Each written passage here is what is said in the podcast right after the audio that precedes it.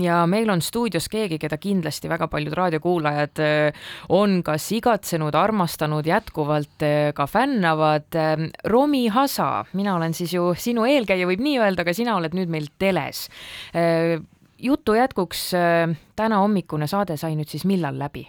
tere hommikust kõigepealt, väga tore on olla tagasi Hommikuraadios ja mul on väga hea meel, et saade on nii heades kätes aga saade, kui sa mõtled telehommikut, lõpeb umbes täpselt üheksa, niimoodi null kuus, null seitse, nii et ikka sihuke kõva kümme minutit on juba saate lõpus. jooksid otse siia? Äh, ma tegelikult äh, tulin äh, liftiga ja ma jõudsin veel ka kohvi võtta, nii et raadioinimesed teavad tavaliselt, kui palju tegelikult paari minutiga jõuab teha, nii et kes siis ei tea, telehommik ja Kuku raadio on ühe maja lapsed nii-öelda öelda, et äh, samas majas need saated sünnivad. poolteist kuud telehommikut on nüüd olnud, enne seda olid sa pikalt raadios, kas sa tunned, et nüüd sa oled kümme korda kuulsam ka? Äh,? väga hea küsimus, seda kusjuures väga tihti ikkagi inimesed küsivad, et kas on erinev olla televisioonis ja, ja erinev olla raadios. no aus vastus on, et on küll vahe sees, et kui ikka minna näiteks kuhugi Balti jaama Selverisse, siis kui sa töötad raadios, siis ikkagi ei tule tihti prouad sul võtma varrukast kinni ja ütlema, et, et sa oled tore seal saates või et, või et äh, sa kuidagi oled silma jäänud. aga tele kindlasti toob seda rohkem rohkem äh, kaasa, et äh, võõrad inimesed julgevad äh, tulla, sest inimestele kuidagi justkui vist tundub, et kui sa oled iga hommik nägupidi teleekraanil ja seega ka inimeste elutoas, et sa kuidagi oled osa nende noh, ma nüüd ei julge küll öelda päris perest, aga et sa oled osa nende argipäevast ja siis inimesed tulevad päris julgelt rääkima. saad sa personaalseid kirju ka? Olen saanud. Äh, vallalistelt meesterahvastelt näiteks? kusjuures olen saanud ja see on selles mõttes, äh, mul on väga kahetised tunded, et mõnes mõttes on ju väga meelitav äh, saada tähelepanu, aga teiselt poolt mõned need kirjad on olnud ka sellised äh, noh, kuidas ma ütlen, mitte küll pahatahtlikud, aga ikkagi nagu on teatud, kus ma olen liikunud või, või mida ma olen teinud ja siis vihjatakse, et kas ma käin selles kohas tihti, et siis tekib küll selline tunne, et, et kust maalt see selline luuramise ja, ja lihtsalt sõbraliku äratundmise piir läheb no Brita vaatas mind äh, kulmud laes, kulmud isegi mitte kortsus, vaid laes, see on ju natuke hirmutav, ma ei kujutaks, kujutaks seda ettegi, aga noh, siit raadiost võime öelda, et tõesti igatsetuid või siukseid armsaid, armsaid noote on ikkagi tulnud ja, ja on ikkagi uuritud, küsitud, et kus on Romi? kus on Romi ja kus on Kristjan, aga, aga tundub, et noh, eks see poolteist kuud on selline sisseelamise aeg ka. muuseas, ma, sorry, ma segan korra vahele, Kristjan ei ole Kuku eetrist muide kadunud, ma väga soovitan soovitan kuulata reedeti on Kuku eetris äh, Filmikägu saade, vaieldamatult üks Eesti parimaid äh, filmisaateid raadioeetris üldse, nii et äh, Kristjan tegelikult ikkagi on Kuku eetris alles aga põhjus, miks me sind täna ju stuudiosse kutsusime, on see, et esilinastub Kanal kahe eetris uus tõsielusari nimega Sellest saab meie suvi ja sina, Romi, oled selle saate juht. Millest see saade räägib?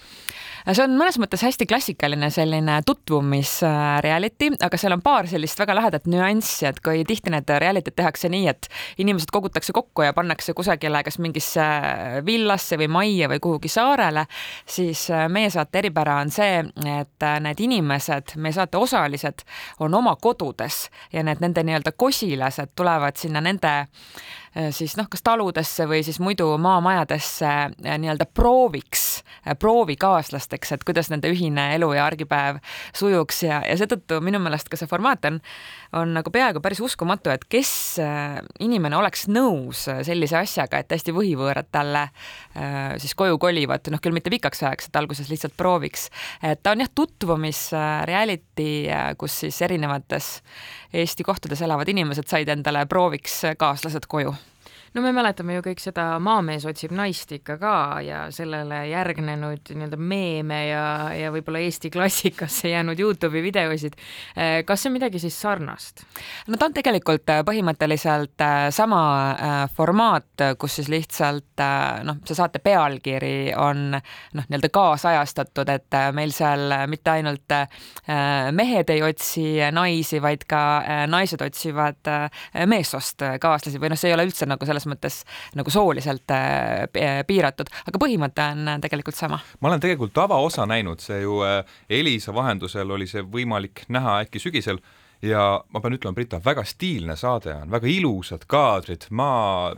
sellisest piirkonnast, põllulapid, suvise, suvine heinamaa, no tõesti väga ilus ja stiilselt tehtud no, saade. ka üliväga vedas, sest et kõik võtted toimusid juunikuus, ma põhimõtteliselt kodus juunikuus üldse ei käinudki, et meil oli kolmkümmend päeva enam-vähem äh, võtted kogu aeg ja äh, millega mina ei olnud varem harjunud, on see, et tänapäeval on ju võimalik teha droonikaadreid. et äh, vahel oli nii, et me sõitsime autode kolonniga, mitu võttegrupi autot ja siis järsku öeldi, et me peame kinni pidama, et drooni operaator nägi mingit põldu, kus on traktor sõitnud sellised looklevad jäljed, et seda on kindlasti vaja filmida. ja siis me kohapeal olime veidi skeptilised, et mis seal siis ikka nii erilist saab olla, et mingid jäljed on kuskil põllus, aga kui ma pärast neid kaadreid valmis saates nägin, siis nad olid tõesti väga ilusad ja siis kõik see, mis filmiti muidugi näiteks, kui me olime saarel, siis sealt sai ju filmida nii-öelda siis noh, mere poolt ja, ja pankranniku äh, merepoolsest servast ja selliseid äh, kaadreid ikkagi nagu noh, need olid ikkagi üli, üliägedad ja nad on saates sees ka see annab kindlasti romantikat juurde, aga ma pean korraks tagasi tulema uuesti sellise nii-öelda Eesti klassika juurde, eh, ka kurikuulus tsitaat, ära mõtle, kohe ütle, kas eh, selles saates jõutakse ka abielu ettepanekuteni või sa ei saa seda üldse veel eh, avada? vot see on küll asi, mida ma pean jah ütlema, et tegelikult midagi võiks jääda ju ikkagi ka selles mõttes vaatajale avastada, mida ma võin küll lubada, on see, et saade on nagu Ameerika mäed, et on ikkagi väga selline dramaatiline ja ettearvamatu, stsenaariumit meil ei olnud, et nendel osalejatel osalejatele ei olnud ette öeldud, kelle nad peavad valima või, või näiteks üks osaline põgeneb keset ööd täiesti lihtsalt nagu siis, mis on siis momendi sellisel emotsiooni ajendil. mõni osaleja teeb seal kaaslase valiku, mis üllatab kogu võttegruppi. meil oli tõesti üks stseen, mida me filmisime. me kõik enam-vähem ikkagi ju noh, natuke võib-olla oskasime aimata, et kes valitakse, aga kõlas üks täiesti teine nimi ja need situatsioone oli isegi tegelikult kaks, kus kõlas äh, täiesti äh, teine nimi. et jah, selline paras noh, kuidas ma ütlen, rida ettearvamatusi oli see saade natuke võib-olla ebameeldivamal teemal, ma peaksin ikkagi selle selgeks äh, nüüd küsima su käest nii-öelda, et äh, mõned Eesti sarjad, mis on varem tehtud, võib-olla sellised äh, noh, otsitakse ka armastust võib-olla nooremates seltskondades, seal on selline noh, joomine, ühe öö suhted hästi tavapärane ja me ikka naerame, noh, mitte ei naera, aga me pigem viitame sellele, et et meile meeldib kodudes diivanitel vaadata a la stiilis umbes, ma ei tea, kolmanda teise Eesti elu ja siis irvitada nende üle. kas sellist tooni sellel sellest saab meie suvi, sellel pigem üldse sellist tooni ei ole? no äh, mina väidan, et ei ole, me küll kindlasti ei olnud seal selles mõttes mingisugused lasteaiakasvatajad, et äh, ka meie saates oli